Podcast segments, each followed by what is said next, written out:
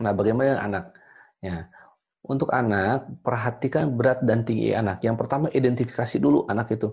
Karena biasanya keluhan ya, di keluarga itu mengeluhkan anaknya pendek. ya. Padahal kebetulan misalkan teman-temannya saja yang tinggi. Atau anak saya kurus. Padahal anak itu bukan kurus. Tetapi karena badan, eh, tinggi badan dia tumbuh dengan cepat, sehingga kelihatan kurus. Ya. Oleh sebab itu, untuk menilainya untuk awal boleh dibandingkan dengan anak lain, tapi yang berikutnya harus membandingkannya dengan grafik pertumbuhan WHO. Nanti saya perlihatkan ya. Kemudian penuhi kebutuhan gizi anak harian dengan menjaga komposisi dan kecukupan gizi dan dengan jadwal yang teratur. Tadi sudah saya ajarkan agar anak ya itu bisa tumbuh dengan optimal, maka penuhi kebutuhan komposisi nutrisinya dan juga jumlahnya. Caranya gimana?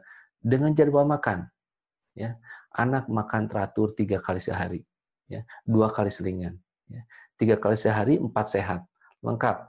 Nasi protein hewani protein nabati dan sayuran. Kemudian tambah dua selingannya buah-buahan ditambah dengan makanan lain. Kue-kue boleh cake boleh bolu boleh apa pun ya. Agar eh, kebutuhan energi dan proteinnya bisa tersuplementasi dengan selingan. Yang nomor empat, Tambahkan susu serta suplementasi dengan multivitamin dan mineral lainnya. Itu untuk anak. Hei, berikutnya saya akan memperlihatkan tentang grafik WHO. Bapak Ibu, ini bisa bisa download di internet ya. E, masukkan kata kuncinya growth chart gitu ya atau grafik pertumbuhan WHO gitu ya. Ya. Untuk anak usia 5 sampai 19 tahun pertama yang dilihat ada tinggi badannya dulu. Kalau 0 sampai 5 tahun, yang pertama dilihat adalah berat badannya. Nah, saya memberikan contoh di sini yang tinggi badan. Ya, ini grafiknya macam-macam Bapak Ibu sekalian. Ada yang height for age, weight for age, height for uh, weight for height gitu ya.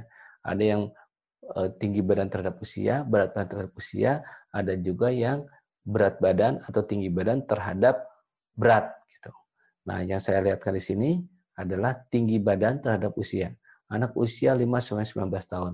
Apakah anak saya tinggi atau tidak? Gimana caranya? Yang pertama, tentukan usianya. Ya. Pertama usianya, misalkan anak ini usianya 7 tahun. Anak saya usia 7 tahun. Eh, dia pendek atau tidak ya? Gitu ya. Ukur tingginya. Nah, ternyata misalkan tingginya 110. Anak usia 7 tahun, tinggi badan 110. Nah, berarti di sini titiknya. Nah, kalau dia di sini, bandingkan dengan grafik ya. Ternyata dia di bawah garis merah ya di bawah minus 2 artinya kurang dari minus 2 z-score berarti anak ini pendek atau stunting gitu ya. Begitu cara mengukurnya. Nah kalau anak ini nah setelah ini baru nanti bandingkan dengan weight for age gitu ya atau bandingkan weight for height gitu ya tinggi terhadap berat baru untuk menentukan apakah anak ini kurus atau tidak. Jadi anak usia 5-19 tahun pertama dilihat dulu tingginya. Ya. Nah, bagaimana dengan anak balita 0 sampai 5 tahun? Nah ini contohnya ya grafik e, berat terhadap usia ya. untuk anak laki-laki. Jadi ini e, masing-masing Bapak Ibu sekalian ya laki dan perempuan grafiknya berbeda. Untuk anak laki-laki warnanya biru, yang anak perempuan di WHO itu warnanya pink.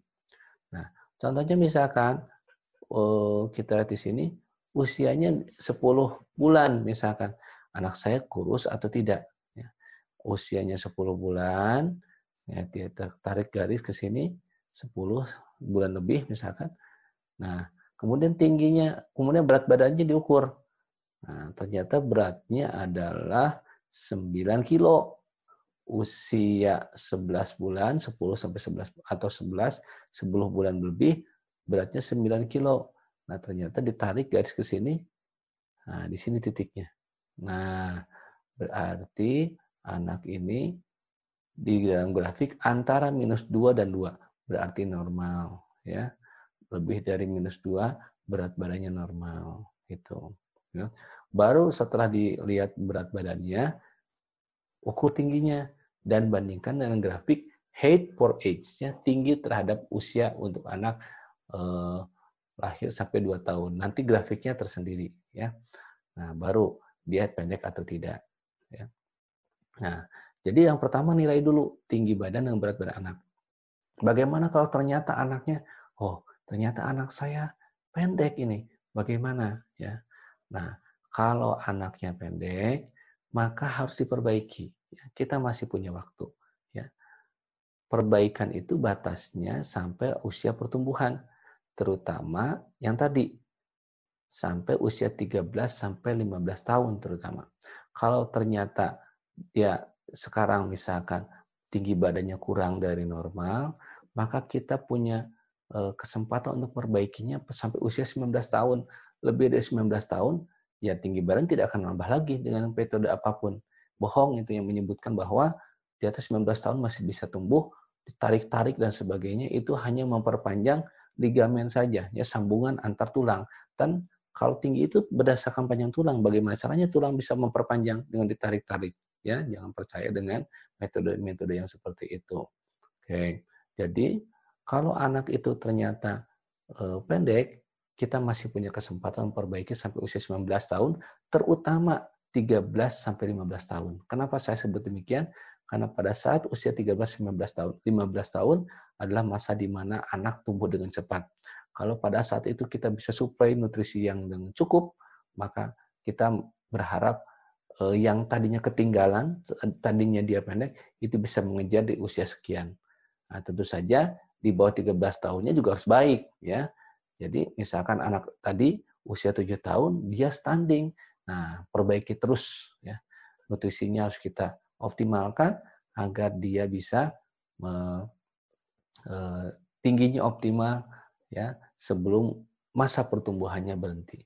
Nah, tentu saja memang Eh, tidak mudah juga, jadi memang harus dilakukan konsultasi lebih jauh kalau anak bapak atau ibu sekalian atau cucunya ternyata stunting ya. Nah, eh, bagaimana kalau anaknya kurus? Nah, kalau stunting itu kan menunjukkan status gizi yang sifatnya kronis, jangka panjang. Kalau anaknya kurus sebetulnya lebih mudah sebetulnya. Kurus menunjukkan dia kurang makan dalam jangka waktu yang pendek. Ya, dengan dengan uh, melakukan Eh, perubahan pola makan, maka yang kurus ini bisa diperbaiki, insya Allah. Ya. Nah, gimana dengan puasa? Nah, sekaligus karena sekarang sedang bulan puasa, tidak usah khawatir ya. Jangan berarti setelah diukur ternyata naiknya pendek, berarti udah berhenti aja puasa, tidak usah puasa, tidak usah begitu, tidak ya.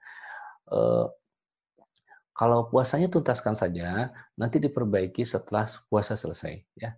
Pesan saya untuk anak, terutama untuk anak, yang puasa, tolong setelah makan utama, jadi urutan puasa, Bapak dan Ibu bisa silahkan cari di channel YouTube saya, Dokter Gaga, bagaimana cara puasa yang baik, ya. Yaitu yang pertama eh, berbuka dengan buah-buahan berair banyak atau makanan atau minum manis tapi sedikit. Yang kedua minum air. Yang ketiga sholat. Maghrib yang keempat makan nasi dan lauk pauknya. Empat sehat tadi. ya. Nah, Kemudian setelah makan nasi dan lauk pauknya, untuk anak yang sedang tumbuh wajib sebelum dengan dan setelah tarawih harus mengkonsumsi makanan lain. Ya, setelah makan nasi dan lauk pauknya, sebelum dan setelah tarawih harus ada mengkonsumsi makanan yang lain. Nah, kemudian anak harus dibangunkan untuk sahur, harus sahur, ya, karena untuk mencegah terjadinya defisit energi dan protein makan sahur dengan cara minum air dulu sedikit, yang penting kerongkongan basah. Setelah itu langsung makan nasi dan lauk pauknya. Setelah makan nasi dan lauk pauknya, tambahkan makanan lain. Boleh kue, kemudian juga buah-buahan, dan tambahkan susu kalau memang anaknya suka. Itu untuk selama puasa Ramadan. Nah, nanti e, Lebaran, ya, insya Allah berat badan yang tadinya turun, anak-anaknya turun, itu bisa dengan mudah kembali naik setelah puasa setelah lebaran ya. Nah, setelah itu setelah lebaran kembali ya pola makan tadi yang saya sebutkan. Anak harus makan nasi dan lauknya tiga kali sehari dengan seringan tambahkan dengan makanan yang lain. Demikian mungkin yang bisa saya sampaikan untuk kesempatan kali ini. Mudah-mudahan eh, dengan apa yang saya sampaikan tadi kita bisa memperbaiki gizi keluarga kita ya. Bagi yang kegemukan stop. Saya, saya sebutkan sekali lagi. Bagi yang kegemukan stop. Nomor satu stop gula. Nomor dua stop tepung. Stop gula, stop tepung. Nol gula, nol tepung. Untuk yang obesitas, obesitas sentral, ya trigliserida tinggi, kolesterol tinggi, apalagi gula darah tinggi. Ya. Yang kedua, untuk anak saya pesankan kita harus mensuplai nutrisinya dengan adekuat ya jaga makan teratur tiga kali sehari nasi dan lauk pauknya tambah dua kali selingan selain buah-buahan adalah makanan yang lain. Gitu. Begitu juga titip untuk ibu hamil ya. Titip untuk e, wanita yang mau hamil anak-anak wanita kita kita jaga agar sebelum hamil berat badannya menjadi normal ya. Agar nanti dia bisa Eh, melahirkan generasi berikutnya yang lebih baik ya. Agar anaknya nanti tidak stunting agar kecerdasannya optimal gitu ya. Dengan cara apa? Ibu hamil sebelum hamil harus naik berat badannya. Harus naik berat badannya menjadi berat badan normal dan tolong makannya harus baik selama kehamilan gitu. Ya. menjaga membentuk generasi unggul dimulai dari sebelum ibu hamil dan dijaga selama hamil.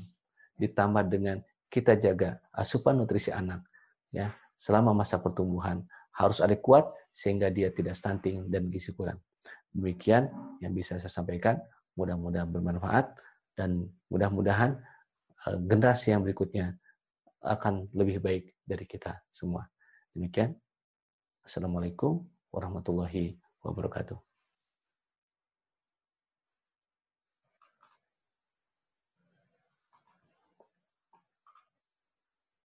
Kuliah Wakaf Salman ini disponsori oleh Bank Syariah Mandiri dan Bank Indonesia. Mari berwakaf untuk keberlangsungan kuliah wakaf lainnya.